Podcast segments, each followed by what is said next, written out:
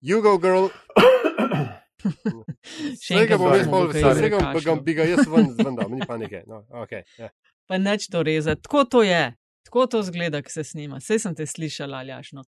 Um, 9. marec je, ko to snemamo. Um, jaz sem zelo vesela, da je 9. ker moram priznati, da če dalje teže prenašam to obilje prispevkov za 8. marec o tem, kaj pa ženske ja, pa ne, pa kaj bi bilo treba, pa ne bi bilo treba, pa moški gore dole. Aljaš ti kot predstavnik eh, drugega dela, eh, kako ti gledaš na te stvari?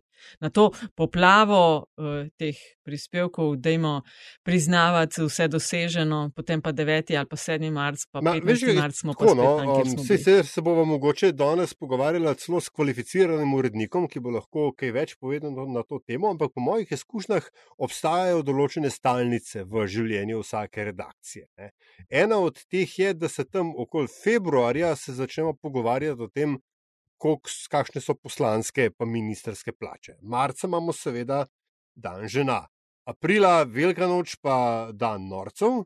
Uh, pol imamo seveda um, prvomajske praznike in cel kup prispevkov na to temo, in tako dalje. In tako dalje ne. Skratka, 8. marec je nekaj, kar, zelo, um, kar je zelo dobrodošlo za filanje programa. Uh, je pa seveda večji problem v tem, da se 9. marca gre potem na, um, kako že, business as usual, business as usual uh, ker smo mi pač zdaj eh, svoje naredili, um, na našo, naš virtue smo signalizirali, zdaj gremo pa lahko nazaj na zgodbo po starem, ker seveda stvari, se, o katerih se pogovarjamo uh, 8. marca, o teh stvarih bi se morali pogovarjati in jih delati tudi 9. pa 12. pa uh, vsak dan v leto. Ne? Ok, Aljaš, aloh, aloh ne daš predavateljski odgovor, ampak ti, možakar, kako gledaš na te Ja, prispevke? mislim jih ne. ne? Ne, te, mislim, te, s kakšnimi občutki to spremljaš? Tisti, a lahko že nehamo, a tisti, Ne, ok, saj je- marca saj pač je to prav, ne. Problem je samo v tem, ker je to samo 8. marca, ker to ni samo tema za 8. marca, to je tema za vsak dan. Ti si narejen za metino listo. Aljaš, hvala ti Ta za odgovor. predavateljski moment je narejen za metino listo. Ja. Ne, ne. Z- Za metin čaj, za metino listo in vse naše, v narekovaju, kot se temu reče, produkte. Poslušate produkt Metin čaj, to je podcast o medijih, dobrih in slabih praksah, novih tehnologijah in trendih prihodnosti. Gosti v medijih eh, delajo z njimi, živijo in o njih razmišljajo. Gostitelja pa sva Aljaš Pengovitenc, Radio Chaos in Nataša Briški Metina lista. Komentarji, predlogi, koga bi želeli slišati, da ga gostiva, da jo gostiva na infoafnametinalista.sim ali pa ključnik Metin čaj, pa tudi na Twitterju naj jo lahko podsukate za rokav pod Afna Pengovski in Afna DC43. Oba rečeva tudi velik hvala za investicije vsebinam, ki jih delamo na metini listi in uh, vaše odzive, pozitivne in negativne, konstruktivne, vsega sva vesela. Mava pa, tako kot si Aljaš omenil, krasnega gosta, Jure Tepina, Pop TV ali je bolj prav reči 24ur.com, Jure? Živijo. Uh, ne vem, kaj bolj prav reči. Uh, v bistvu je boje. Oboje. Kaj imaš na biznis kartu? Uh, mislim, da imam 24.com. Ampak smo tako, tako okay. so prepletene te, te brendi, tako da v bistvu uh, vse je prav. No? Tako da bo- ne boš zgrešil. Ja, mi dva sva te povabila, Jure, da z- poklepetava s tabo o tvoji nedavni poti v Ukrajino, um, ko imava že ravno tudi uh, serijo prispevkov, pa še sledijo, pa še jih bova objavila na temo Ukrajine, in pa seveda tudi tvojega urednikovanja spletne strani, najbolj obiskane v Sloveniji, 24ur.com. Začnemo pa vedno na začetku, uh, da se mal predstaviš. A lahko poveš eh, kaj več o tvoji novinarski poti, kje si začel, kako nadaljeval, kje si danes. Uh, seveda, kot vsak poreden gost, bom začel čist na svoji strani. Uh, naj najprej rečem, da sem zelo vesel, da ste me povabila. Uh, poslušam vaju in zdaj sem šel prav gledati, od kdaj sta vidva začela tale metin čaj in svaka ima čas skoraj deset let, bo počasi že, a ne? Mhm, že, sva v deseti Tako sezoni. da Ja. sem vajen zvest poslušalec od samega začetka. Uh, in uh, na koncu sem, uh, na koncu mora človek uh, res uh, nositi svojo glavo na prodaj, da pride uh, do vabila v vaš in v vaš čas. Ampak veš, da smo se pogovarjali in smo bila prepričana, da si že bil pri nama. Bil. Res, mi dva smo bila zihar in nam ni jasno, Eden od zelo zvestih poslušalcev. Ne, se, to se bo zdaj slišal, kot da sem zelo rad poslušal. Zagotovo pa tega podcasta ne bom poslušal, ker sebe človek malo težje posluša. Uh, ja, sem urednik spletne strani 24.com uh, in uh, Aljaš je imel res prav na začetku. Uh, Prispevki, članki o 8. marcu, mi, mimo grede, veliko pišemo zadnje čase tudi o femicidu, tako da mogoče gremo tudi na metino listo ali pa še kam drugam. Um, sicer sem pa dobil uh, en zelo dober mem, če smem za ta 8. marc uh, sam povedati. Uh, taka fotografija, mogoče ste jo videli, uh, ena ženska ima polno balo sena na sebi, zraven pa moškega, ki pravi, uh, sutra 9. marc, uh, opet laganica. Uh, tako da, ja, 9. marc smo uh, laganica, da se vrnem zdaj v prosti Nataša za ta segway. Um, ne, ne, vredo je. Ja, uh, moje ime je Jure Tepina in sem novinar to je moja identifikacija. Uh, hkrati sem pa ja, v novinarstvu že zelo dolg časa. Trenutno sem uh, odgovorni urednik spletne strani 24.com. Um, to počnem zadnjih uh, pet let, zdaj teče šesto leto, uh, kar se ukvarjam pač predvsem z digitalom. Uh, prej sem bil pa uh, skoraj izključno, dobro, nekaj časa tudi radijski, za, za, za neke izlete nekam drugam, ampak eh, večinoma pa televizijski novinar. Uh, ko sem razmišljal, ima Nataša eno tako kar velik uh, skupnih zgodb, oziroma skupno tako rdečo nit pri karieri. Um, uh -huh. Začel sem kot športni novinar. Leta 96 bilo je um, bilo je Alpsko svetovno prvenstvo v Sierra Nevadi 96, ko sem prišel na nacionalno televizijo in tam ostal 13 let, in potem po 13 letih z enim kratkim skokom v nek uh, projekt InfoTV-ja, uh, potem še naslednjih 13 let na ProPlusu. Na kanalu, na PopTV-ju, na 24 ur na, in zdaj na 24ur.com. Tako da identificiram se pa predvsem kot novinar. No? To mislim, da je moja um, taka um, posebna identifikacija. No? Um, prav, zdaj mi pa še povej, uh, glede prispevka za 8. marca. Koliko ste jih imeli 8. marca? Ma, smo, smo jih imeli, kar nekaj smo jih imeli. Imeli smo pregled. Uh, um, uh, stanja ženskih pravic po svetu, kjer smo se ukvarjali tako z Afganistanom, kot tudi z Ameriko, z pravico do dostopa do splava ameriškega, potem smo imeli en cel kup članov. Po mojem, smo jih imeli ene pet, no, tako le čez, čez palc, no, bi rekel. No. A ja, pa tukaj nisem štel še tega entertainmenta, ker so seveda bile uh, razne prireditve okrog tega. Tako da bi rekel, da večkrat jih je pet in ja, imaš prav se že pogovarjamo o 1. aprilu. Ja, ne, ampak moram nekaj povedati. Eh, letos ga, mislim, letos ga bomo prvič imeli, ker se nam je zdelo, da po začetku vojne in med epidemijo nismo imeli niti ene 1. aprilske šale, tako da uh, smo pustili brainstorming zdaj en mesec, da vidimo, kaj bomo po dolgem času spet imeli. No. Držim te sti, da bo kaj duhovitega. Ja. ja. Če ne so pa vedno lahko članki o najboljši medijski 1. aprilski šali, ever, ne? tisti o Ja, se to BBC-ju in ja. špagetih. Standardizirano, ja. A, no, ampak eh, mogoče, no, gled, če, če, se pač primemo bika za roge, kačo za glavo in kaj reše ostalih živalskih primer v novinarstvu. Um, nedavno tega si bil v Ukrajini. Ti ena, ena, e, eden od, kaj to, um, področje, ne, bitev z lepo slovensko besedo, ki jih eh, pokrivaš, je, eh, je tudi kaj to, um, obrambno, varnostno povezan. Veliko krat smo te videli ne, z kakšnim helikopterjem v ozadju ali pa s čelado na glavi in mikrofonom v roki. Dej najprej povej, kako si ti zajadral v pokrivanje teh vojaško-varnostnih tem. Ma, uh, v bistvu zelo dobro vprašanje. Um, hm. Ja, identificiram se kot nekega konflikt reporterja. No? Uh, ne vem, v bistvu sem iskal nek slovenski izraz za to, ker to ni samo vojno reporterstvo, to je pač eh, poročanje z vseh terorističnih napadov, obrambnih zadev, kot si rekel.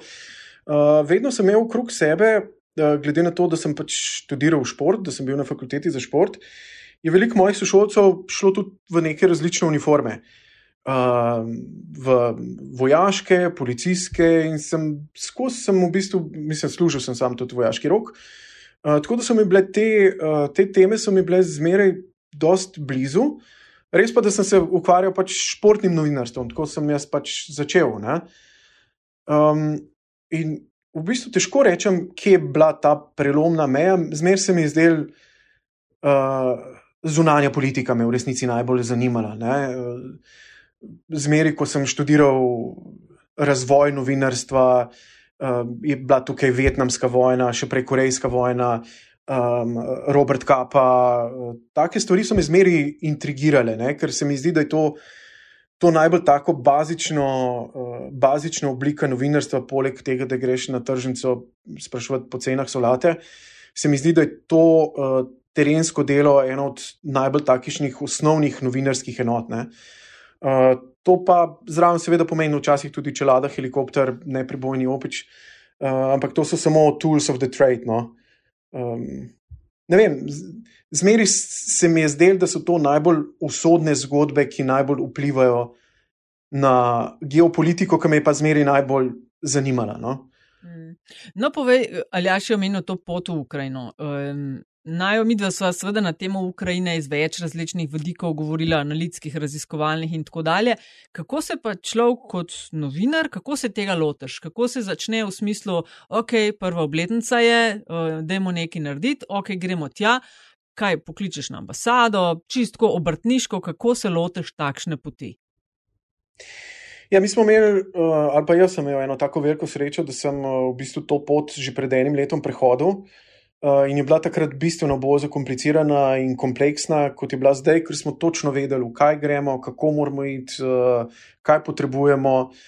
Uh, ja, drugač, to seveda ni bil prvi poskus, da bi jaz od urednikov in šefov iz, uh, izprosil ali pa izsilil, na rekovajih, zeleno luč za to pot. Um, Hoteli smo iti po koncu uh, poletne ofenzive, videti, kakšne so spremembe na terenu. Želeli smo iti uh, pred novim letom.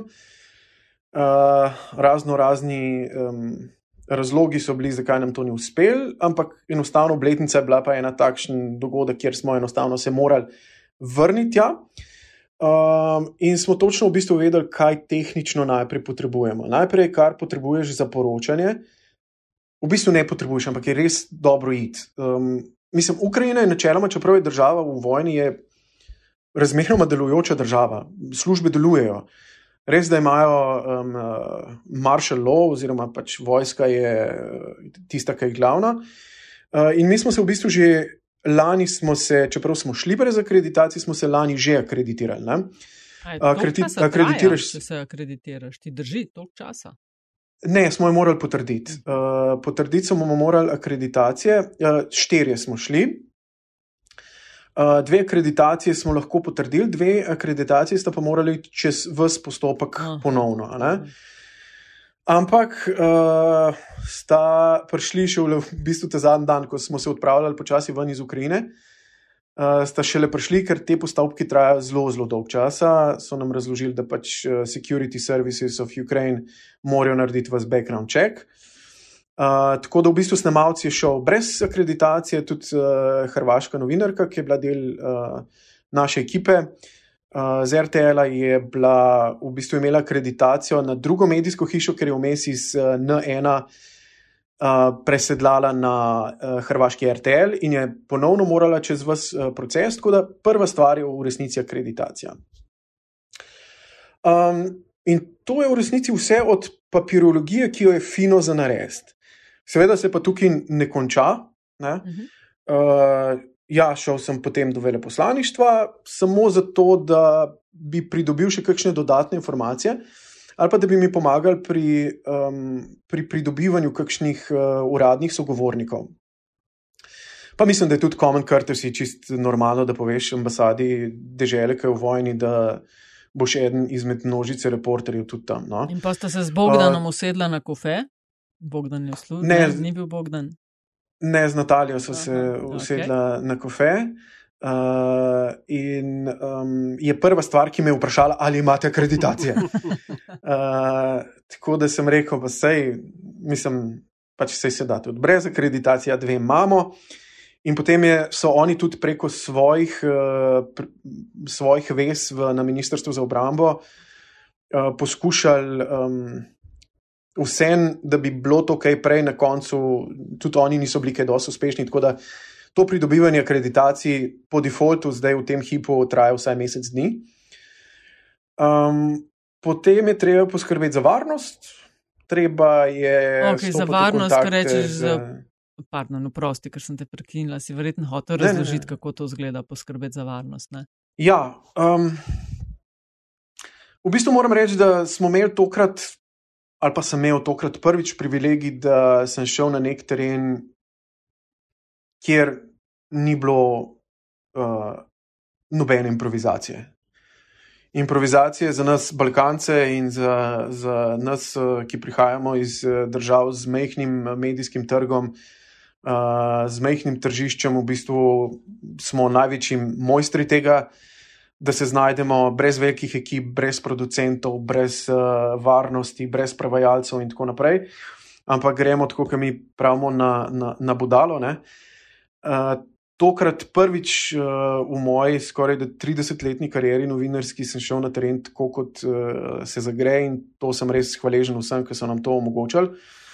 Uh, zdaj, pred enim letom, že ko smo se s Nemalcem odpravljali, ko se je začela vojna, smo mi v resnici um, začeli to pot, šele ko je Kijev bil skoraj da obkoljen. Uh, Tako da smo šli res v, v žrjavco po ta kostan.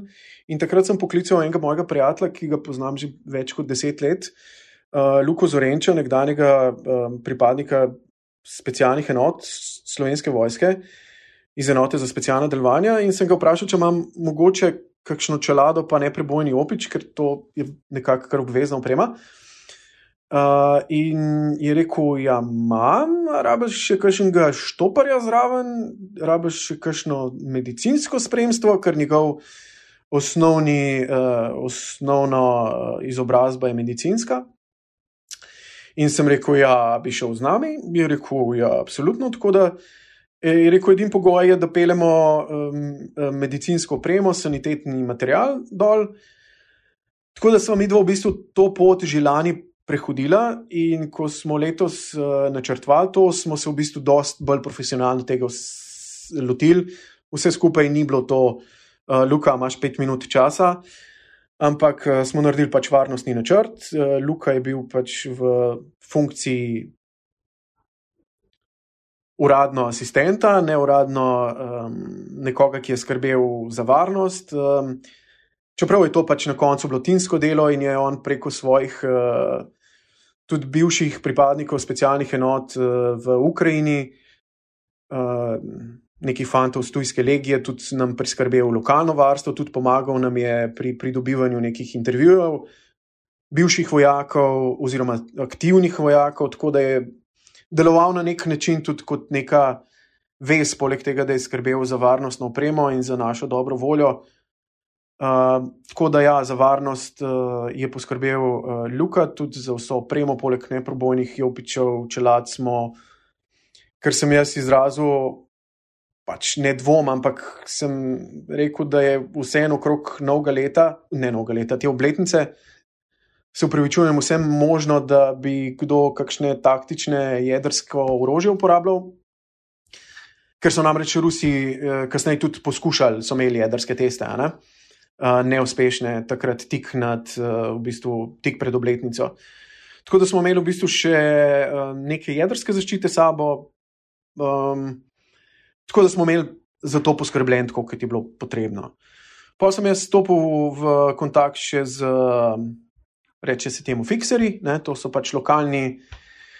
Prevajalci, um, novinari, nekdani ali kakorkoli že, ki se znajdejo na terenu in ti pomagajo pri potovanju, organiziranju, uh, tako naprej, imajo en tak zelo dober komunit teh fixerjev uh, in so zelo dobro so organizirani okrog tega. No? Tako da smo imeli že v Kijevu, pa po Kijevu, uh, sabo tudi Fixerko, ki je bila del naše ekipe. Tako da na ta najbolj vroč del terena nas je šlo 2, 4, 5, uh, ne, čak, ne bo prav, 6. Ja.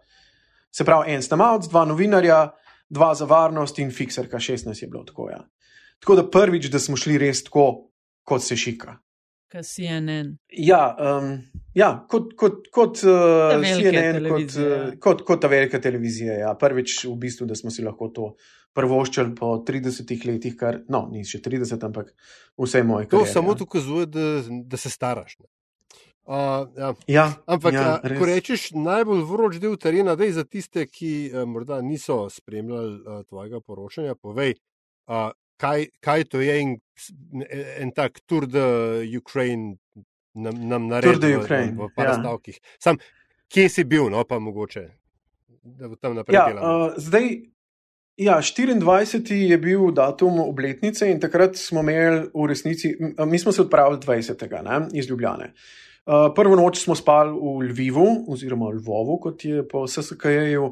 Uh, v Lvivu smo prespali in potem takoj naslednji dan uh, se odpeljali do Kijeva. In smo v Kijev prišli potem 21. zjutraj in smo bili nekako v dilemi, ali gremo kar takoj naprej proti Dnipru, proti jugu in jugovzhodu. Uh, Ali počakamo obletnico v, v Kijevu, in pa smo se na koncu vseeno odločili za Kijev, ker nismo vedeli, ker bi bilo malo nerodno, da bi bili mi v Dnipru, raketiran bi bil Kijev, in mi smo tako daleč od uh, dogajanja, uh, poleg tega je Zelenski napovedal tudi svoj, svoj odziv, uh, in smo se vseeno pol odločili, čeprav so se mi zdele zgodbe okrog uh, Kijeva že malo izpovedane, Buča, Irpin, uh, Borodjanka, Hostomel.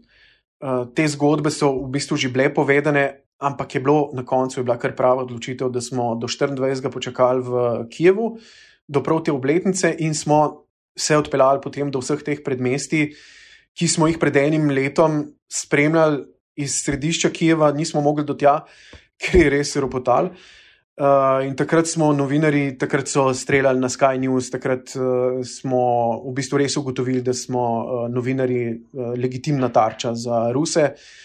Uh, pred enim letom smo dejansko imeli sabo tudi od uh, vzglavnikov, prevleke, bele so nam svetovali, da če gremo v Kijev, da ne vzamemo, da bomo imeli kakšno belo zastavo, ker takrat so bile stvari res um, dosti bolj napete kot tokrat.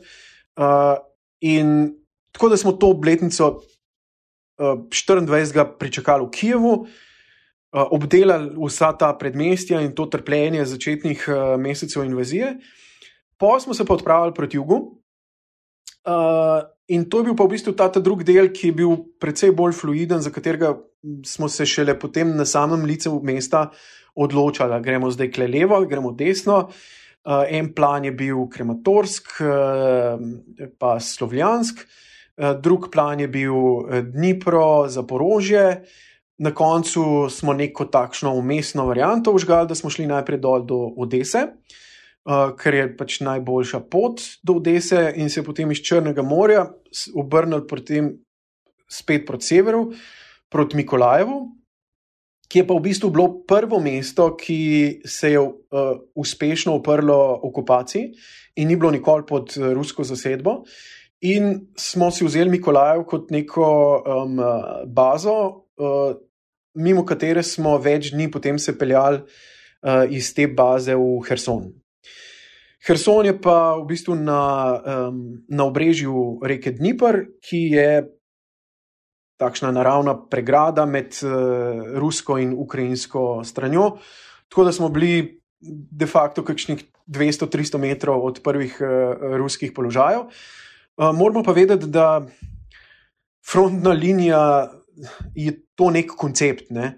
čim si ti v dometu uh, minometov, artilerije, ostrostrelcev, je to v bistvu celotna frontna črta. No? Tako da smo se kar nekaj, 4-5 dni smo bili v tem, uh, smo bili v tem dometu. No? Potem uh, smo se morali odločiti, ali bomo naše bivanje še malo podaljšali, pa šli snemati neke artilerijske enote. Um, okrog um, Donetska, oziroma pač v Donetsk oblasti, uh, tako da bi šli v smeri Bahmuta. Uh, potem so nam ta zadnji dan to tudi odpovedali, uh, ker so bili precej živčni zaradi uh, premikov uh, ruskih čet. Tako da smo potem uh, se odločili, da se obrnemo proti domu. Uh, nekako smo razmišljali, če, če bi v Moldaviji še izbrskali kakšno zgodbo, se dogovarjali z moldavsko predsednico za intervju, ampak na koncu se nekako z urniki nismo mogli uh, poklopiti in smo ta zadnji dan se potem iz Odese direktno odpeljali do Ljubljane, ne vem, koliko je tisoč in nekaj kilometrov, 27 ur. No. Tako da to je bil Tour de, um, Tour de Eastern Europe, no. smo tak lep krok naredili. Mm. Prej si omenil fikserje. Ne? To so seveda lokalci, ki ne samo, da jezik bolj obvladajo, se bolj znajdejo v sistemu, ker pač tam živijo ne? in ti pomagajo, ko prideš tja delati. A je feeling takšen, mislim, to se bo zdaj mogoče malo grobo slišal, ampak a to vidijo kot. Hm, Zgolj in izključno priložnost za zaslužek, ali zraven tudi, a zdaj prihajajo, ki mi trpimo in jim moramo rihtati gore dole, ali ne vem, koliko profi, ne profi, ali kaj zvem, kako zapakirati to upravo vprašanje. No. Ampak si imel kakšen tak, ne vem, slab feeling, dober, kako se ti je zdelo, da oni razmišljajo? Ne, razumem. V resnici me sprašuješ, kakšen biznis je to za njih rado. Ne? Um, na nek način, ja. Um, vojna je postala velik biznis za Ukrajince. Um, lahko kupaš marsikaj, marsikater spomin, ki ga načeloma ne bi uh, ni lih košar, ni lih najbolj uh, etično, da, da, uh, da kupuješ takšne stvari. Um, kar se pa tiče fikserjev, um, se mi pa zdi, da ne, stra, strašno, strašno so profesionalna ekipa. Uh, jaz sem to fikserko Sašo dobil preko uh, nekega drugega fikserja, ker je imel že dogovorjen projekt z AFP-jem, dobil sem ga pa prek fotografa New York Timesa, ki je bil z nami pred enim letom in je delal s tem, s tem fikserjem oziroma s to skupino. In uh, so strašno povezani med sabo in zelo dobro um, obvladajo, dobro, ne samo jezik, ja, ja, ja. Pa, pa, pa varnost, pa vse to, oziroma pač kraje, ampak tudi zelo dobro, zelo dobro imajo um, napeljane veze po raznih lokalnih uh, um, županskih uradih, po um, policijskih upravah. Tako da uh, prideš tja in te vprašajo, katere zgodbe te zanimajo. In ti pač nešteješ, in on potem prek svojih vez uh, dela na teh zgodbah, na teh sogovornikih. Uh, jaz mislim, da oni to gledajo kot, uh, kot del svoje domoljubne dožnosti v mhm, resnici. Mm -hmm. Oni so, oni so zelo, uh, zelo so, um, veseli, da pridemo novinari tja. Um, zelo so ponosni, da pridemo tja in smo zelo dobrodošli, še posebej, ko vidijo in presodijo, in imajo mimo grede tudi seznam profesionalnih uh, novinarskih hiš, s katerimi oni delajo ali s katerimi ne.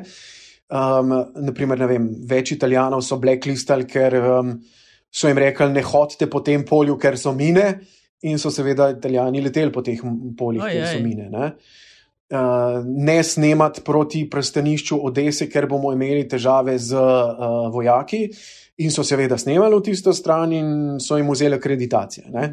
Uh, pač so neka pravila, ki se jih moraš držati, in je tudi neko ne, ne napisano pravilo, da s tem, uh, s tem uh, tudi lokalne uh, fikserje upoštevaš. Uh, Uh, in dokler jih je to tvoje sodelovanje z njimi res profesionalno in zelo dobro. Jaz sem to, kako preverijo MPOP TV? Mislim, kako so vedeli, da si ti, recimo, predstavnik ležit medija? Ne, ja, ne, mislim, tako je. Sej, tudi jaz sem prišel preko preporuke. Okay, se, ja. uh, tudi ta um, Byron od New York Timesa je pač povedal, da je delal z mano in uh, so se pozanimali, kdo sem jaz, mm. ne kdo je Pop TV. Um, zelo hitro se potipaš in zelo hitro vidiš, kakšen je fikser, in fikser zelo hitro vidi, uh, kakšen je novinar. In uh, mislim, da smo se res fenomenalno ujeli, na koncu smo skoraj karaoke pel. Uh, hecali smo se, uh, ker na koncu smo naredili 5000 km, ne, tako da veliko preživiš.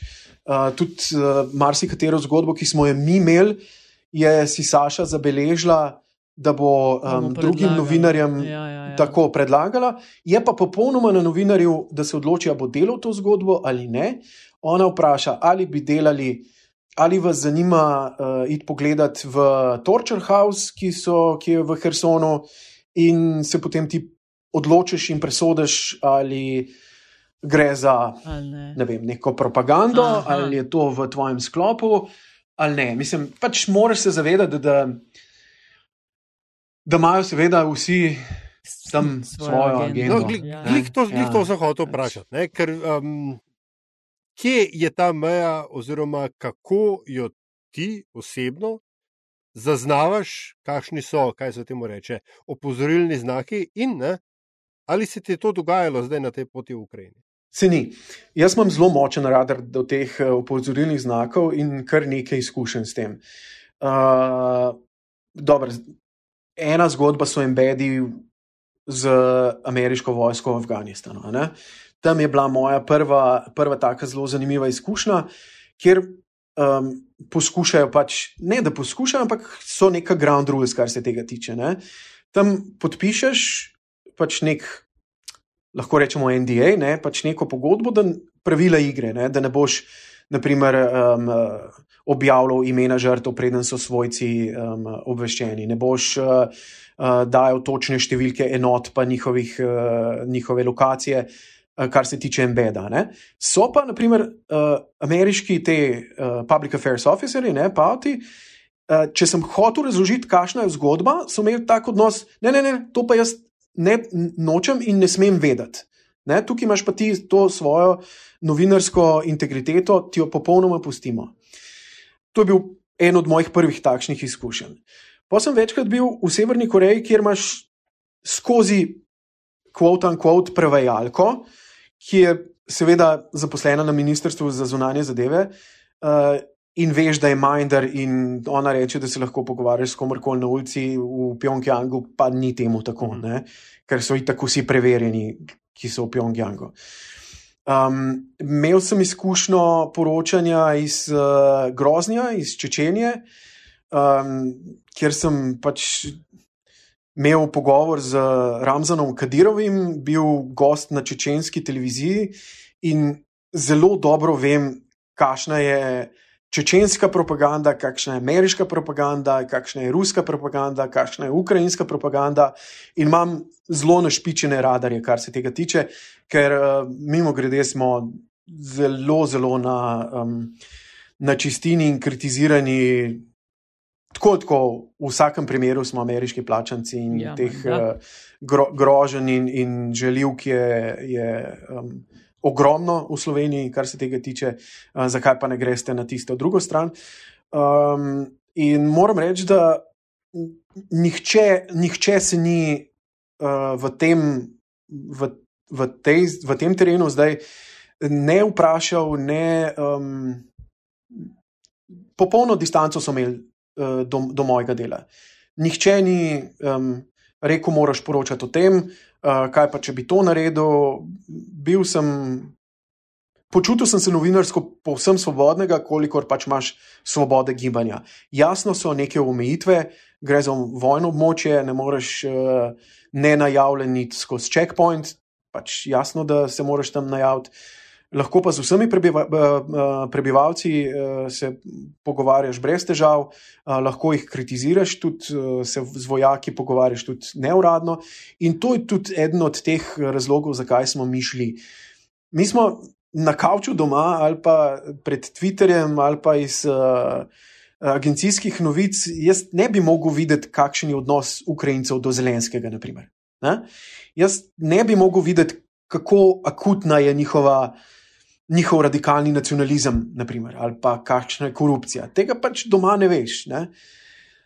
Tako da to, to so bili eni od razlogov, in novinarsko moram reči, da je bilo naše delo um, popolnoma svobodno. No? No, pa povej, ker če sem te prej vprašala, kakšni so bili ti fikseri in odnos do vas, eh, kaj pa je dejansko zaznavaš po tvojem občutku, ne? ker se ima verjetno ta spektr različne barve, ampak točno to odnos do Zelenskega in pa odnos ljudi do vas, novinarjev in novinark, ko pridete, parašutate na nek način iz drugih držav za par dni, jih sprašujete, kako je, kaj je, kje je.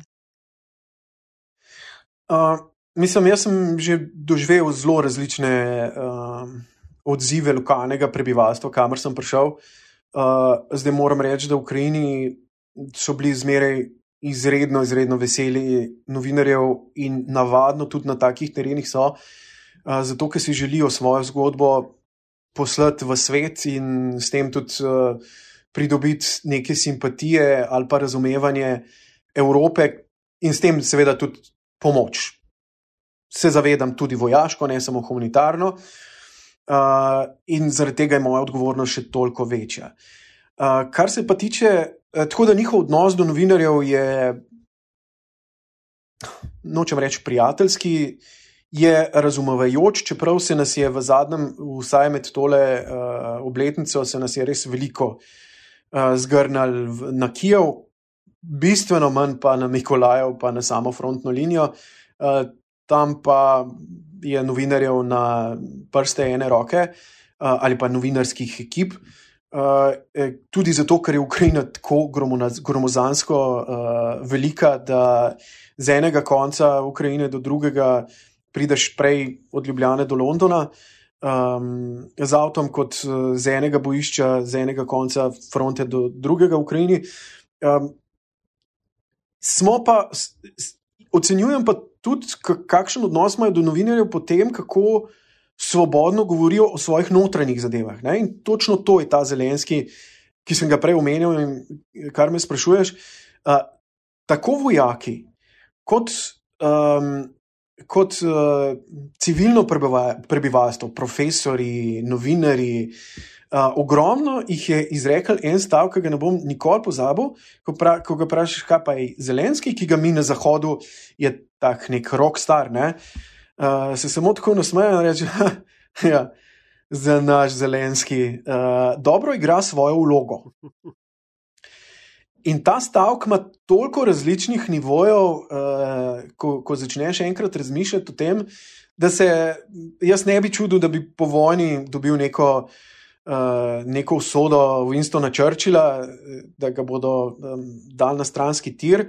Uh, zavedajo se, da je PR, ki, se, ki ga on počne, vrhunski in vejo, da PR tudi zmaguje v vojnah. Um, smejali so se, ko je bil na tej tiskovni konferenci, uh, ko smo bili na obletnici, uh, ko ga je novinarka lokalna in lokalni novinari ga kritizirajo. Uh, Um, seveda, on odgovarja, da so plačanci od Porošenka, karkoli že. Uh, hkrati pa, pa ko, ko, ko so ga vprašali, ali lahko vprašamo v ruščini, ne, ki je mimo grede njegov materni jezik in je govoril rusko, do trenutka, ko je vstopil v um, uh, predsedniško volilno kampanjo, uh, je vzel. Uh, slušalko, češ da si bo pomagal z prevodom iz ruščine v ukrajinščino. Uh, malo so se zasmejali, in potem je rekla ta novinarka: Ne, ne, se bom v ukrajinščini se potrudila vprašati. In je rekel: Aha, no, dobro, super, pa, pa, pa bom odgovoril brez težav. Uh, to je ta njegov PR. Zelo mu zamerijo, da je pred nekaj dni pred začetkom te polne invazije. Uh, govoril um, prebivalstvu, nič se ne bo zgodilo, vi kar in to je kvot, vi lahko greste na piknike, nič ne bo.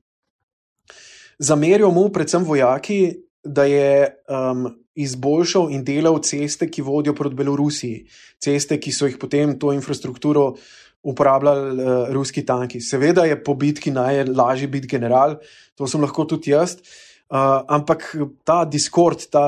Um, To neko um, nezadovoljstvo se, pa se čuti. Ne? Na vzven ne, ampak ko se pogovarjaš na vznoter z njimi, pa to lahko vidiš. Ja. No, ampak verjetno, kot si rekel, ne, to vendarle pokaže tudi um, to neko uh mhm. -huh. samozavest Ukrajincev samih, ne, da uh, ja. prvič v um, čistost ne, lastne, uh, lastnega boja in uh, drugi tudi uh, v svetlo ali pa svetlejšo prihodnost. Ne, uh, po vojni, ker uh, veliko krat ne, se potem zgodi, da, um, zmagovalci v vojni nekako nočejo spustiti vajeti iz rok uh, po vojni ne, in imajo pač neke ideje o tem, kako bi svojo vladavino nadaljevali.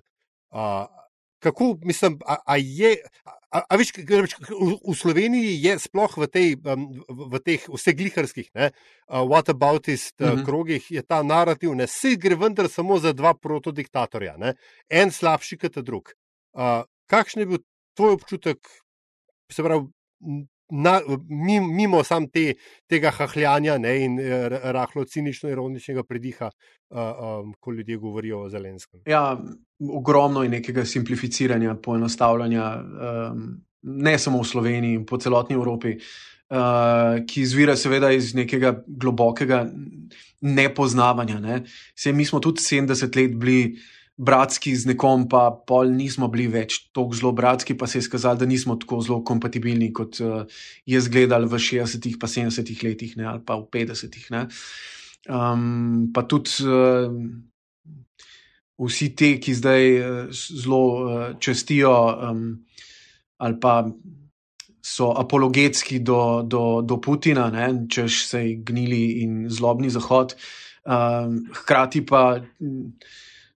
Nočem reči, da častijo Tita, ampak ga nekako imajo zelo visoko zapisanega. Uh, Titu um, Putin bi bil toliko všeč, kot mu je bil všeč Stalin. Mm, to, ja. uh, tako, tako da tukaj, tukaj se, se ujamejo zelo v to uh, propagandno zanko ne, um, Rusije ali pa nekega vzho, zelo vzhodnega, daljno vzhodnega pogleda. Kar pa se tiče tega, eh, te samozavesti ali pa samo povzdanja v, v čistost svoje borbe in tako naprej, vse, ali jaš, kaj jim pa preostane? Kaj, kaj, kaj pa alternativa vsemu temu? Jaz pač kupim to naracijo, da če uh, Rusija izgubi to vojno, pač Putin ne bo preživel. Ne? Če Ukrajina izgubi to vojno, Ukrajina ne bo preživela. Ne, to je njihov boj za, za, za obstanek. Uh, strašno so samozavestni. Uh, in ja, uh, tukaj absolutno dam prav tistim, ki, um, ki upozarjajo na vse dogodke, ki so vodili v to vojno, in to je v našem poročanju tudi bilo izpostavljeno. Um, dogodki v, Odesu, eh, eh, dogodki v Odesi leta 2014, ko je 46 proruskih um, protestnikov proti Majdanu bilo zažganih v domu sindikatov, uh, absolutno zakoni proti ruskem jeziku. Uh, absolutno je bila pot do te vojne z ukrajinske strani. Um, absolutno imaš ogromno anomalij, tudi uh, korupcije v Ukrajini, radikalni nacionalizem, seveda je uh, prisoten. Videli smo vem, v trgovini uh, tudi svastike, marsikaj, ampak vse to in korupcija in neonacizem lahko vidimo na ruski strani, tako da pot v vso to vojno je bila zelo meglena na obeh straneh. Ampak, ko je prvi ruski tank prevozil mejo, Iz severa, juga, odkudarkoli je za me ta konflikt postal popolnoma črno-bel. Vseh teh anomalij se absolutno ne rešuje, ne rešuje z granatami, in absolutno se jih ne rešuje z polno invazijo uh, dveh, uh, v bistvu, mislili smo, da je ena od najmočnejših vojska na svetu. Na koncu, ko smo mislili, da imajo Rusi. Um, zelo um, šibko ekonomijo, pa močno vojsko, se je izkazalo ravno nasprotno, da imajo šibko vojsko in močno ekonomijo. Uh, in bi lahko popolnoma drugače reševali te probleme, kot so, so jo. Tako da Ukrajinci so zdaj v nekem boju, ki je skozi moje oči, zdaj trenutno, popolnoma črno-bel. Nobena Rusinja ni bila posiljena v uh, ali Rusiji ali Ukrajini strani uh, ukrajinskega, uh, ukrajinskih sil. Um, pač v Rusiji je nobena tukaj... šola podrta, nobena bolnišnica podrta in tako dalje. Ja. Drži, tako, točno tako. Uh, trenutno je jasno, kdo, kdo okupira katero ozemlje. Uh, že od leta 2014 je bilo to jasno, pa smo si nekako zatiskali oči pred tem. Zdaj pa ta konflikt za me zelo črno-bel in razumem Ukrajince, ki um, ne govorijo o nobenem mirovnem uh, sporazumu, ki uh, se ne želijo pogajati z uh, Rusi, ker dokler bo katerakoli stran mislila, da lahko še karkoli doseže na terenu, do takrat se noben ne bo pogovarjal v nobenem miru. To imamo samo v Sloveniji, pa na Zahodu neke uh, utopične ideje, ki so sicer hvale vredne, ampak tako naivne, da da lahko človek samo skomikne z rameni, da ne rečem, kaj je manj diplomatskega. Ej, se bojim, pokaj počasi. Mm, zaradi tvojih obveznosti tudi moramo eh, zaključovati tale podcast, vam jaz eno, a si aljaš, malce zajel sapo. Jaz imam tudi eno vprašanje, tako da dajmo stisniti stole hitro še. Dejmo, ja, ja. Dajmo stisniti. Veš kaj imam, jaz sem to, lej, za drugič bomo mogli pustiti 24.com, pa bomo en podcast posneli na temo urednikovanja tega, kar je že kar nekaj let, kar sva se z Denisom uh, v štirjem pogovarjali o tem, ko je on pred tabo zasedel ta položaj. Ne? Moje vprašanje še eno je, ker si uh, deloma že ga vmes na namignil. Eh, odzivi pa doma na poročanje in na prispevke, ki si jih pripravljal v, in prinesel iz Ukrajine.